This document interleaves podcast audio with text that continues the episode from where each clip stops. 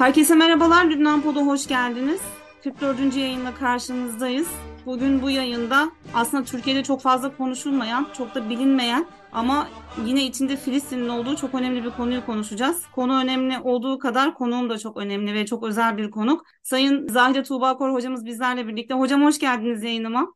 Hoş bulduk. Davetiniz için teşekkür ederim. Katıldığınız için asıl ben çok teşekkür ederim hocam. E, yani gündem aslında 7 Ekim sonrası Filistin meselesi ancak az önce de ifade ettiğim üzere Türkiye'de çok fazla konuşulmayan başka bir konuyu ben sizinle bugün e, konuşmak istedim. Daha doğrusu sizin değerli bilgilerinizi dinleyicilerimize de paylaşmak istedim. Bugün Lübnan'daki Filistinli mültecileri konuşacağız. Onların sosyal durumları, siyasi durumları, hukuki hakları, yaşam şartları. Ben aslında ilk soruma şuradan başlamak istiyorum. Şimdi Lübnan'daki Filistinli mültecilerin meselesi hepimizin bildiği üzere 1948 işgalinden sonra başladı. Ve sanırım hocam yanlış bilmiyorsam eğer bu mültecileri en fazla içine alan ülke Lübnan oldu. Öyle Buradan söyleyeyim. başlayalım isterseniz evet. hocam. E, aslında ya Arap ülkeler arasında en fazla e, Lübnan. Şey Batı Şeria'nın ve Gazze'nin içine de mülteci akını olacak. Yani e, Filistin'in içindeki topraklar oralarda çok daha fazla. Ama hani sınır aşan e, durumda en fazla Lübnan'a gidecekler. Bu da normal aslında çünkü zaten Filistin topraklarının güneyi çöl. Doğusu zaten Batı Şeria orada yerinde duruyorlar. Dolayısıyla en büyük göç şeyden kuzeyden ve batı sahilden olacak. Bütün göç hareketlerinde en yakın istikamete gider göçmenler. Dolayısıyla burada da en yakın istikamet e, Lübnan. Bir de bir şey daha var. Osmanlı döneminde de burası Filistin'in kuzeyi ile Lübnan'ın güneyi aynı bölgeye Akka Sancağı içinde ve o Akka Sancağı da zaten Beyrut vilayetinin bir parçası. Dolayısıyla e, Laskiye'den başlayıp Nablus'a kadar e, inen bir e, coğrafya aynı Beyrut vilayetinin birer parçası. Sınırın güneyi ile kuzeyi arasında zaten akrabalık bağları var e, ticaret bağları var e, ve dolayısıyla iki taraf birbirini gayet yakından tanıyor. Aile, sosyal ilişkiler güçlü. Doğal olarak Lübnan'a gitmeleri çok e, doğal bir süreç. Ve bu arada bir şey daha söyleyeyim. Çok önemli bir şey aslında. Sınırların ne kadar e, suni olduğunun da hikayelerinden bir tanesi bu. Bizim sınır içinde geçerli. Bu bölgede yani ben bir sürü röportajlarda bunu fark ettim. Herkes birbirinin içinde akrabalara sahipler. Hepsi birbirlerinin devamı aslında. O araya sınır çizilmiş ama üstü de aynı, altı da aynı. Yani modern dönemde Arap dünyasında bağımsız ülkelerin ortaya çıkmış olması kültürel veya toplumsal anlamda baktığımızda çok da bir şey ifade etmemiş. Belki 70'lere 80'lere kadar. Evet. E, bu çok çok önemli bir bilgiydi. Ancak sizin bu verdiğiniz bilgiden yola çıkarak da şöyle bir soruna ben de inmek istiyorum. E, belki de Filistinli mültecilerin Lübnan'daki varlıkları diğer bölge ülkelerindeki varlıklarına göre çok daha sorunlu bir sürede evet. ilerledi. Buradan da devam edersek eğer 1948'den sonra diyelim özellikle 49'la birlikte belki de tam bir yerleşme oldu artık mülteci sorunu ortaya çıkma, çıkmaya başladı Lübnan'da. Filistinler nasıl yaşam haklarına sahip oldular? Özellikle sosyal ve hukuki alanda bu konudaki değerlendirmeniz çok önemli. Buyurunuz. Bir kere e, ilk başta geldiklerinde bütün göç hareketlerinde hikaye aynıdır. İlk geldiklerinde bir mazlumiyet, insanlar kucak açarlar. Bir de tabii ki akrabalık ilişkileri vesaire sosyal ilişkileri olduğu için kucak açıyorlar. Ta ki nereye kadar? Bu misafirliğin kısa süreli olmadığı anlaşılana kadar. Ondan sonra zaten e, hikaye başka bir tarafa evrilecek. Çünkü Lübnan'da e, zaten e, Lübnan sorunlu bir devlettir kuruluşu itibarıyla. E, mezhep temelli yani siyasi sistemin mezhep kotalarına göre, mezhep oranlarına göre belirlenmiştir. Dolayısıyla içeriye gelen o dönem için 120 bin, 100 bin, 120 bin kadar bir, bir Filistinli nüfus gelecek. Filistinli nüfusun hepsi olmamakla birlikte Kahir ekseriyet ama Sünni, Arap. Eğer ki içeride uzun süre kalırlarsa, yerleşirlerse, hele bir de vatandaşlık almaya kalkarlarsa bu ülkenin kuruluşu itibariyle Hristiyan bir devlet olarak, Maruni bir devlet temelde tasarlanmıştı. Orta Doğu'da Hristiyan bir ada olarak e, tasarlanmıştı nüfusu olsa da. Dolayısıyla Filistinlerin burada kalıcı varlığı demek eşittir bu devletin kurucu karakterinin e, bozulması demek. Siyasi anlamda haklar hiçbir zaman tanınmayacak. Bu arada dünyada mülteci hakları, mülteci hukuku 1951'de mülteci sözleşmesiyle kabul ediliyor. Bugüne kadar o mülteci sözleşmesini imzalamayan ya tek ülke ya da son birkaç ülkeden bir tanesidir Lübnan. Mülteci statüsünü tanımıyor. Dolayısıyla Filistinlileri de mülteci olarak e, şey yap, istenmeyen misafirdir aslında Filistinliler. Veya daha doğrusu şöyle söyleyelim, daha hukuki e, tabir şöyleydi. E, özel kategorideki yabancı olarak görülecekler. Yani, yani bir Filistinli mülteci olarak resmi herhangi bir yerde bu adla geçmiyorlar o zaman. E, özel statüde yabancı olarak e, görecekler. Çünkü yabancılara mesela tabii bu sonraki e, büyük ihtimal sonra verilen bir statü olacak bu. Çünkü mesela yabancıların işte 5000 metrekareye mi ona göre bir şey vardı. Mesela mülk satın alması var vesaire. 2000'li yıllarda geliriz onlara Filistinlere mülk edinme hakkı bile ellerinden alınacak. Dolayısıyla onların statüsü yani yabancılardan da farklılaştırılacak. Özel bir statü haline dönüştürülecek. Ama şöyle söyleyebilirim. Ben Filistinlere sormuştum işte e, ilk geldiklerinde neler oldu diye. 1950'lerden itibaren mülteci kampları izole kamplar olarak kurulacaklar. E, mesela 1950'lerde e, güvenlik tedbirleri Filistin mülteci kamplarında yürürlüğe kondu diyorlar. Bir kamptan bir kampa akraba ziyareti için bile gitmek için izin almak gerekiyor Lübnan güvenlik birimlerinden. Yani hareket serbestlikleri olmayacak. Yani burada herhalde şöyle bir durum vardı. Yani Lübnan'ın içerideki kampların içindeki güvenlik Filistinli gruplara ait. Bu 1969'da öyle olacak. Hmm, şey Peki anlaşmadan öyle, sonra. Evet, tamam, peki anlaşmadan sonra. sonra. Giriş çıkışlar Lübnan devletine ait olacak zannedersem. Yerde özelliğe sahip oluyorlar tamamen. İçeriye Lübnan mülteci kamplarına 1969'dan sonra Lübnan askerlerinin güvenlik güçlerinin girmesi yasaktır. 1950'ler daha evvel yıllar. Yani e, kamplar arası seyahat, dışarıya seyahat, izin almadan seyahat hakları yok. Gece mesela kamp içinde e, gece belli, belli bir saatten sonra sokağa çıkamazlar. Yani kamp içinde dahi. Bir araya gelip 3-5 kişi e, bir, bir yerde toplanıp toplantılar yapamazlar vesaire. Bir sürü engeller konacak e, daha o dönemlerden itibaren. 1960'larda Filistin direnişi zaten e, güçlenecek. Ee, özellikle 1970'te Filistin direnişinin merkezi Ürdün'dü. 1970 Eylül'ünde iki haftalık bir çatışma olacak. E, Filistinli e, direnişçiler Filistin Kurtuluş Örgütü Ürdün'den temizlenecekler. 3500 Filistinli hayatını kaybedecek. 1970'ten sonra Filistin direnişinin merkezi Lübnan'a kayacak. Beyrut ve işte e, Güney Lübnan'a kayacak. Ondan sonraki hikaye daha farklı bir şeye evrilecek. Bu arada tabii şeyi söylemeyi unuttum. E, mülteciler de şimdi iki türlü aslında e, gelenler. İlk başta gelenler, maddi durumu iyi olanlar, zengin olanlar onlara vatandaşlık veri, veriliyor. Özellikle Hristiyanlar, Hristiyan Filistinlere daha çok vatandaşlık verilecek. Tüccar takımı vesaire yani maddi şeyi olanlar e, bazı haklara kavuşacaklar. Ama böyle bu durumda olmayanlar özel bir kategoriye dönüşecekler. Bu da çok kayda değer bir bilgi çünkü biz Lübnan'daki vatandaşlık alma meselesinin çok zor olduğunu, şartlarının çok ağır olduğunu biliyoruz aslında hocam. Yani Lübnan'da neredeyse imkansız gibi bir şey. Değil mi? Yani hatta Lübnan'da bir kadın e, Lübnanlı olmayan bir erkekle evlendiğinde bile çocuklarına vatandaşlık veremiyor. Hı. Ama sizin de dediğiniz üzere zaten bu çok sayılı herhalde vatandaşlık alan Filistinliler. İkinci sorum aslında biraz daha Lübnanlıların Filistin algısı ama öncesinde sosyal haklar bakımından da şunu sormak istiyorum. 69 e, tane 65 tane iş meslekten mesleğe sahip olamama gibi bir durumları vardı zannedersem. 30'a 39'a kadar düştü söyleniyor, düştüğü söyleniyor. Ancak e, bu meslek sahibi olmanın handikapları nelerdir? Bu bilgi doğru mu? Onu sorayım öncesinde. Ben ilk 2009-2010'da gitmiştim. Bana 70 küsur demişlerdi. Son gittiğimde de yine aşağı yukarı aynı şey dediler. Bu sene içinde gittim. Yani rakamlarda hani düşme, düşme yok. Çok Anladım. büyük bir fark yok.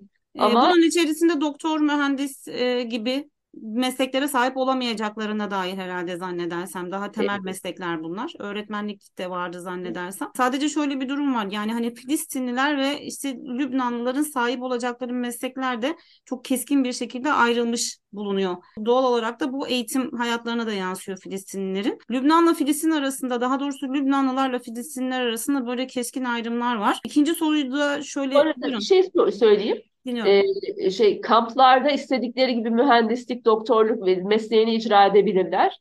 Kamp dışında yani kendi Filistinlerin kendi o özerk alanları dışında e, resmen bu işi yapmaları yasak. Yani şöyle yapıyorlar ama kaçak olarak mesela mühendis olanlar kaçak olarak çalışabiliyorlar. Ama resmen çalışma hakları kesinlikle söz konusu değil. Hatta bana eski e, Lübnan başbakanlarından Selim Elhos röportajda Akdeniz'de ticari amaçla e, yani para kazanmak için balık tutmaları bile yasaktır demişti. noktada baktığımızda gerçekten yani sosyal ve hukuki haklar çok zor ilerliyor Filistinliler için. E, bir de Lübnanlılar ve Filistinliler diye bir ayrımdan söz etmiştim. Çünkü iç savaş 1975 Lübnan iç savaşı biraz daha e, ortaya çıkan bir iç krizin sonucu olarak bazı noktalarda yorumlanıyor. Çünkü hepimizin de bildiği üzere iç savaşı başlatan Filistinlilerin bulunduğu bir otobüse yapılan saldırı sonucu ortaya çıkmıştı. Bu bağlamda aslında Lübnan siyasetinde ve toplumunda oluşan Filistinli algısına biraz bakmak istiyorum açıkçası. Bu konuda sizin değerlendirmeleriniz nasıldır? Lübnanlılar Filistinlilere nasıl bakıyorlar?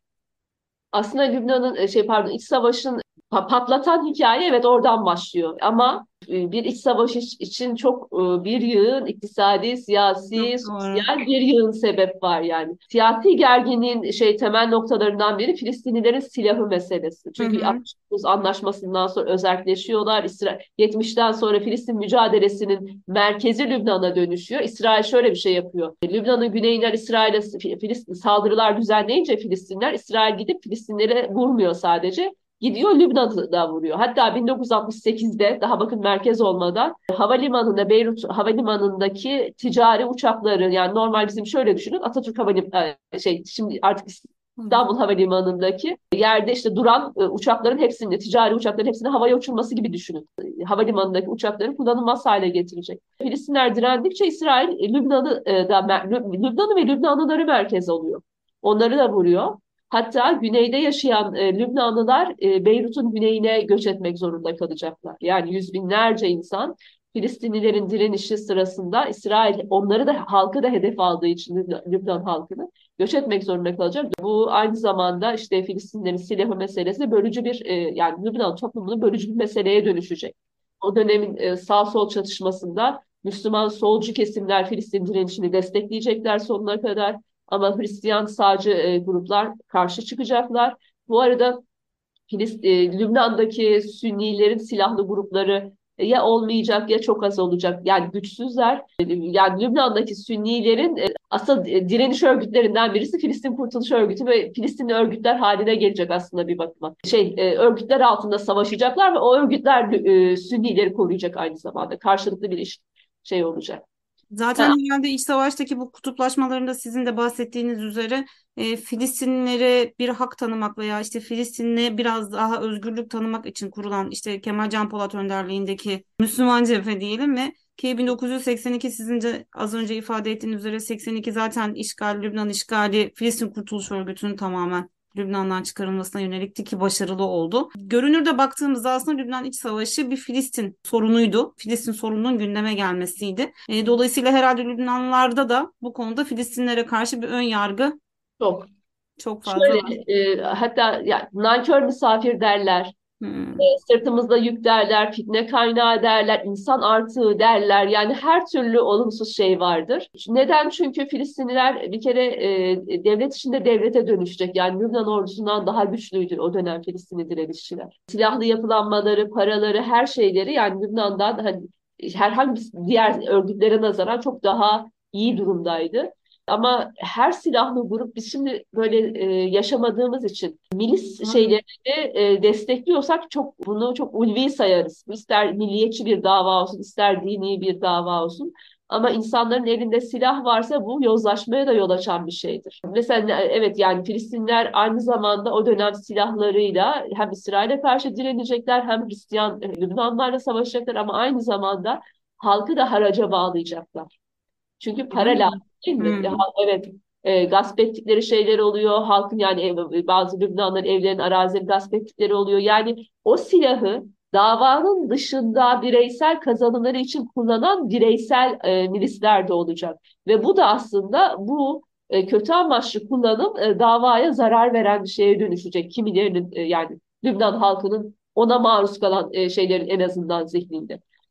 Ve bir meşruiyet sorunu da ortaya çıkacak herhalde. Son zamanlarda ben de Lübnan'a gidip geldiğimde Lübnanların Filistinlerle ilgili biz yeterince bedel ödedik E, Evet. dolayısıyla biz artık içinde Filistin sorununun olduğu herhangi bir krizin içerisinde yer almak istemiyoruz e, diye çok duydum ben de açıkçası. E, tabii bu çok insafsızca oldukları anlamında, insafsız oldukları anlamına gelmiyor Lübnanlıların. Ancak sizin bu söyledikleriniz, ifadeleriniz sorunun aslında arka planında çok net bir şekilde gösteriyor. Hem Filistinlerin kendi içerisindeki, grupların kendi içerisindeki çekişmeleri ki bunu geçtiğimiz yazda gördük. Kamplarda e, çıkan iç çatışmaları hatta 7 Ekim öncesine kadar e, ciddi anlamda Temmuz'dan Eylül'ün sonuna kadar ciddi bir çatışma vardı. E, Bir şey daha ekleyeyim de e, sadece Filistinler böyle gibi algılanmasın. Lübnan İç Savaşı boyunca 15 yıl iç savaş olacak. Bütün kesimler silahlanacaklar. Her bütün aslında e, silahlı gruplar benzer şey yapacaklar. Filistinler bize böyle yaptı diyorlar da aslında Lübnanlılar da birbirlerine aynı şey yapacaklar. Yani yine biraz aslında burada bir günah keçisi olma durumu da var. Yani o kötü sıfatlarla işte biz geldiler, ülke, ülkeyi mahvettiler, savaş alanına çevirdiler işte e, gasp ettiler, yağma yaptılar vesaire diyorlar ama bütün silahlı gruplar aynı şeyi yapacaklar. Bütün silahlı gruplar yine halkı e, haraca bağlayacaklar. Dolayısıyla Filistinlerin yaptığı böyle özel bir durum değil aslında. Bu da aslında çok kayda değer bir bilgiydi. Çünkü evet Filistin'in üst başlığıyla baş, başlayan bir krizden bahsediyoruz, iç savaş bahsediyoruz Lübnan'da ama Hristiyan grupların Filistinlerin birbirlerine saldırılarını biliyoruz. Ve bugün bile devam eden bir siyasi krizin sebebidir iç savaşta Hristiyanların birbirleri olan savaşı. E, Dürzilerin Hristiyanlarla olan meselesini sadece Filistin'e yüklememek gerekiyor. Değil. Yani Filistinler olmadan evvel ya bir şey Lüb- Lübnan pardon Marunilerle Dürzilerin meselesi 1800 yıllara gidiyor. Hatta Çok 1700'lere gidiyor. Dolayısıyla şöyle bir şey vardır Lübnanlılarda. İşte biz çok masumuz, hep dış güçler, dışarıdan gelen e, e, yani dış büyük güçler veya dışarıdan içeri sızanlar bizi mahvetti hikayesi vardır.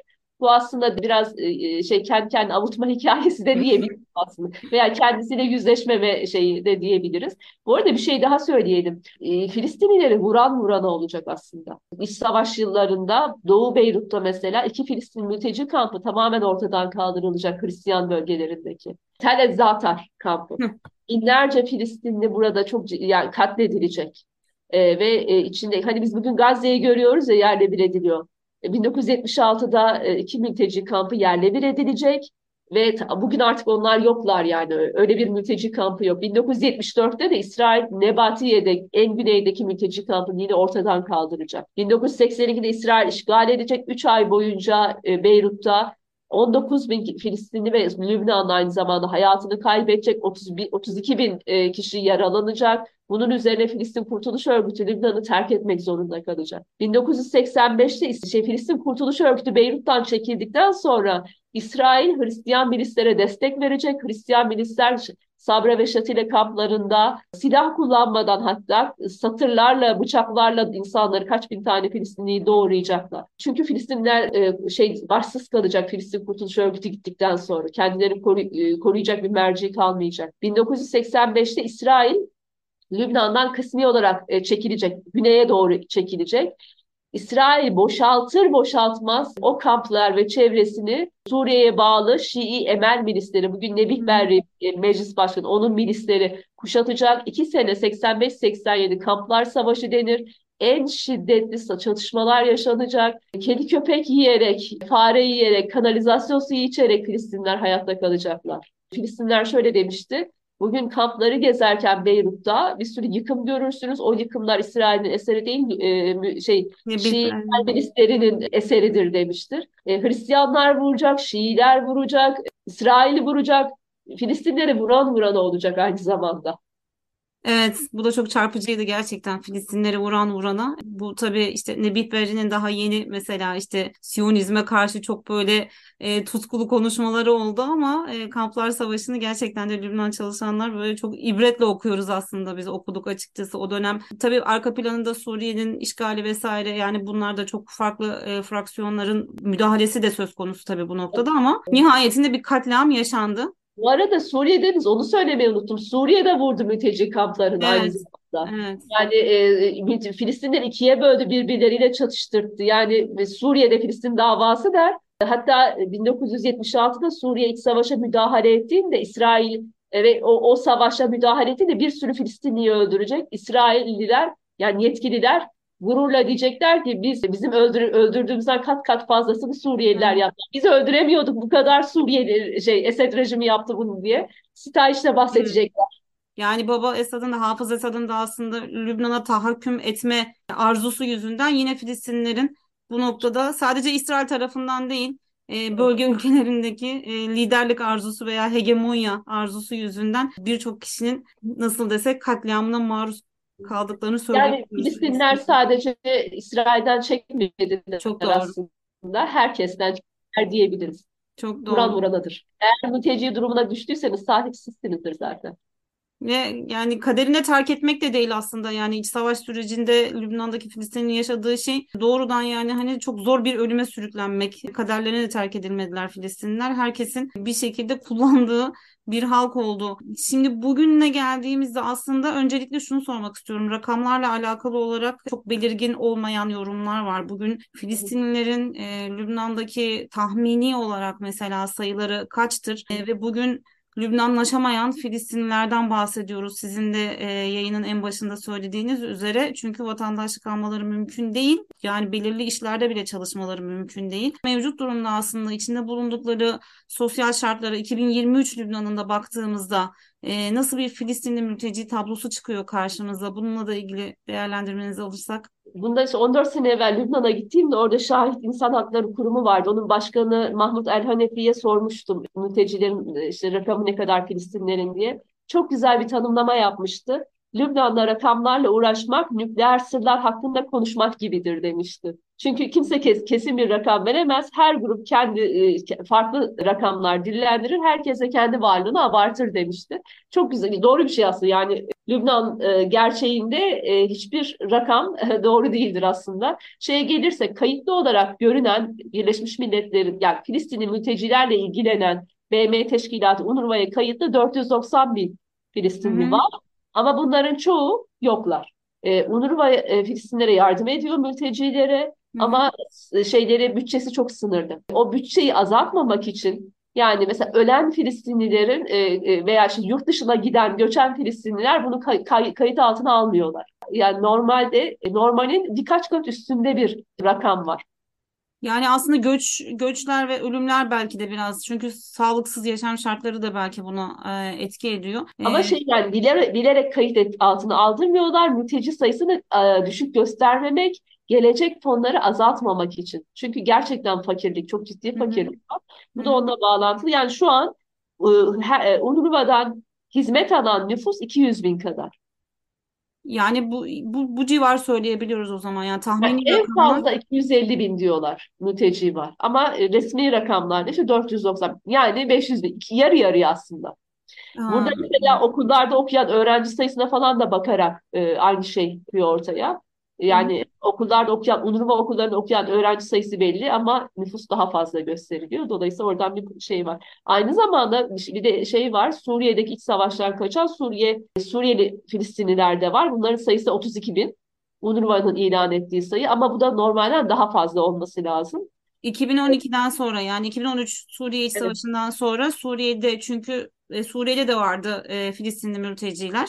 E, ama 2013 savaşından sonra onlar da Lübnan'a doğru göç ettiler sanırım. Şöyle e, Suriye'deki mülteci kamplarının çoğu yerle bir oldu. Bugün Hı-hı. Gazze gibi. Dolayısıyla oradaki çok önemli bir nüfus ya Türkiye'ye ya Avrupa'ya ya işte Lübnan'a geldi. Lübnan da aslında şeydir bir ara duraktır. Çünkü Lübnan yaşanabilecek bir yer değil. Ee, oraya gelen Avrupa'ya gitme heves, hedefiyle geliyor. Bir de aynı zamanda kaçak gelenlerin de mülteci kamplarına yerleşiyorlar. Filistin mülteci kamplarına çünkü sığınabilecekleri başka yer yok yani. Ve mülteci kampından kolay kolay da dışarı çıkamıyorlar. Çünkü Lübnan yönetim şey güvenlik güçleri yakalamasın diye. Yani çeşitli sebeplerle e, kaçak gelmek zorunda kalan bir sürü Filistinli Suriyeli de kamplarda yaşıyorlar. Ve baktığımızda hocam gerçekten 1948'den sonra 14 tane ya da 15 taneydi Filistin mülteci kampı Lübnan'da. İyileşme yok diye bir şey e, söyleyebiliriz herhalde. Yani hani 70 yılda Filistin mülteci kampları içerisinde ne e, yaşam şartları olsun ne eğitim olsun. Ben hiçbir mülteci kampını ziyaret etmedim açıkçası. Ben Ama siz çok gittiniz. Şöyle anlatayım size. Üç tane mülteci kampı zaten, dört tanesi yok artık zaten. 16 hmm. tane 12'ye indi. Savaştan sonra yıkılan şey, şey E, mülteci kamplarının içine çimento girmesi yasaktır. Kafana, kafanıza göre sokamazsınız. Yani Lübnan yönetiminden e, veya işte güvenlik güçlerinden izin almanız gerekiyor. Yani evinizi tamir edebilmek için bile. Çünkü Lübnan yönetimi bunların yeni ev yapmaları, dışarıya yayılmalarını, kampların büyümesini istemiyor. Yani kamp, e, savaşta İsrail işgalinde küçülen kampların büyümesine izin vermeyecek. Nasıl derseniz kamplar, yarım ila bir metre e, genişliğinde yolları vardır mesela. Yani iki kişi yan yana zor yürür. Evler dip dibedir. Camdan içeri güneş girmez. Ben öyle evlere girdim yani sıfır güneş.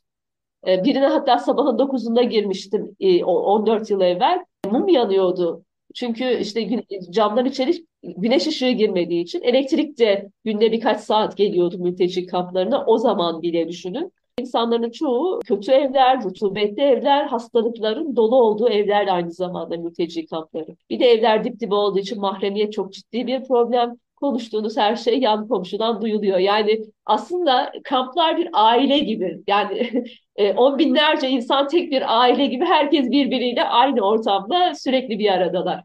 Yani Lübnan devleti de zaten bununla ilgili hiçbir politika izlemedi şu zamana kadar ki son yıllarda zaten Filistinli mültecilerle birlikte Suriyeli mülteciler de tekrar gündeme geldi geri gönderilmeleri hususunda. Bugün aslında baktığımızda toparlayacak olursak belki de yani aslında bu konuyu böyle saatlerce konuşsak bitiremeyeceğiz gibi ama toparlayacak olursak peki şunu söyleyebiliyor muyuz? Kısa vadede aslında Lübnan'daki Filistinli mülteciler için bir iyileşme gözlenmiyor baktığımızda gözlenmiyor. E, Filistinli mülteciler de ölüm pahasına Akdeniz'e açılıyorlar. Avrupa'ya gitmek için. Zaten Lübnan'da artık büyük biliyorsunuz Lübnan'da ek, e, ekonomik kriz var, siyasi evet. kriz var, hukuki evet. kriz, her şeyin krizi var.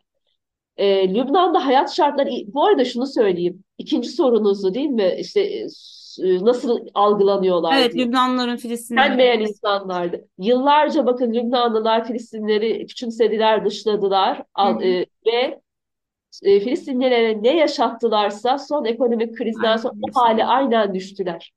Ben mülteci kamplarında ne gördüysem hayatta Lübnanlıların da hayatı oraya döndü. Elektriksizdi mülteci kampları, Lübnan'da elektriksiz. Şeyde hayat şartları çok kötüydü, Lübnan'da da hayat şartları çok kötü. Filistinlerin çalışmasına izin vermiyorlardı. Bir sürü alanda Lübnan'da şu an şey yok, e, iş, iş imkanı yok. Kendilerinin de iş imkanı kalmadı. Bana biraz şöyle geliyor. Yıllarca zulmettiler ve şu an birlikte e, feci bir şey yaşıyorlar. Bu arada mülteci kamplarında şu an aşırı kalabalık. Dedim ki dışarıya göç var. Ama aşırı kalabalık neden? Suriye'den gelenler orada, Iraklı mülteciler orada, Lübnan'da çalışan, Filipinlisinden tutun Hintli işçiye kadar herkes mülteci kamplarında çünkü orada hayat çok ucuz. İyice karışmış durumda mülteci kamplarının nüfusu hmm. şu an. Ya, bu da bir sorun aslında yani bence yani hem yani sorun aynı zamanda. Ee, ve herhalde Lübnan'ın da çok şu an göz önünde bulundurmak istemediği bir sorun ama ilerleyen dönemlerde belki de daha da büyüyecek bir krize dönüşecek. Ancak baktığımız zaman ben mesela Beyrut patlamasında şunu hatırlıyorum. E, Beyrut patlamasından sonra işte bu bir Hristiyan patlamasıdır. Hristiyan mahalle Eşrefiye bölgesinde olduğu için çünkü oraya yakın olduğu için. Halbuki çok sayıda Filistinli işçi vardı ve hiç anılmadılar bunlar. Ölenlerin arasında çok sayıda Filistinli işçi vardı. Diye Filistin meselesi Lübnan'ın önünde bir politika somut ve iyileştirici bir politika eğer e, benimsemezse Filistin meselesi sanırım Lübnan için daha da büyüyecek bir sorun haline gelecek. Böyle söylediler bana ve şunu sordum. Sur, e, Lübnan'daki hangi grup Filistinlere daha yakındır, daha iyi şeydir dedim. Dedi ki, dediler ki bana e, Filistin davasını kullanan gruplar bile sonuna kadar Filistin davasını savunuyoruz da yüksek sesle şey yapanlar bile dışarıda retorik olarak bunu savunsalar da içeride mesele Filistinli mültecilerin hayat alanını genişletmek ve insanca yaşayabilir imkanlar sunmak olduğunda hepsi aynı e, potada dediler. Hı. Yani e, bir örnek verdiler. 2001'de e, mülk edinme, Filistinlerin mülk edinmesi ve miras bırakmasını yasaklayan kanun meclisten e, çıkarken dönemin başbakanı Sünni Refik Hariri e, ve mecliste sadece bir milletvekili karşı oy kullanıyor. Düşünebiliyor musunuz? Tamam e, meclistekilerin e, karar lehine oy kullanıyorlar. Ki yani Lübnan Meclisi'nde e, bir araya gelmeleri, ortak bir görüşe varmaları imkansızken bu kadar milletvekilinin. Mesela yani şey Lübnan'da da birleştirici bir şey diyebiliriz. Maalesef. Ya Filistin sorununa katı bakmak belki de tek ortak noktaları ya da ortak noktalarından bir tanesi. Tuğba Hocam güzel şeylerden bahsetmek isterdik ama e, Lübnan'daki Filistinli mültecilerden konuşurken maalesef çok iç bir konuşma olmadı. E, ancak dinleyicilerimiz açısından da benim açımdan da çok çok verimli ve bereketli bir yayın oldu açıkçası verdiğiniz bilgiler. Çünkü hep nokta atışı yaptınız açıkçası yayın süresince. Ben son bir cümlenizi almak isterim. Ondan sonra yayını kapatalım inşallah. Filistinli mültecilerin kendi söylediği şeyle bitireyim. Filistinli bir genç şöyle dedi. Kamptaki evler adeta birer mezarlıktır dedi. Hmm. Filistinli mültecilerin yüzde 40 küsuru kamplarda yaşar ve kamplar adeta birer mezarlıktır dedi. Gençlerin umudunun e, olmadığı yani en iyi üniversiteden mezun olabilirsiniz, iş imkanınız yok, şerefli bir şekilde yaşama imkanınız yok dışlama, ırkçılık, ayrımcılık çok fazla. Ümidi olan e, Filistinli mülteci sayısı, ümitle yaşayanların sayısı tabii ki az. Çok teşekkür ederim hocam. Bugün e, Lübnan'ın çok başka bir tarafına değindik. Çok başka bir cephesine, Filistinli mülteci sorununa değindik. Gerçekten de hem de bugün mevcut durumda Gazze Savaşı'nın devam ettiği dönemde e, Filistinlerin Lübnan'daki yaşam şartlarının bu kadar kötü olması bizim için de aslında böyle çok üzüldüğümüz bir konu. Ama inşallah bir şekilde bir sonuca varılır diye umut ediyorum. Hocam çok teşekkür ederim tekrardan yayınıma katıldığınız için. Tekrar görüşmek dileğiyle. Lübnan Pod'dan bu haftalık bu kadar. Önümüzdeki yayında görüşmek dileğiyle. Hoşçakalın.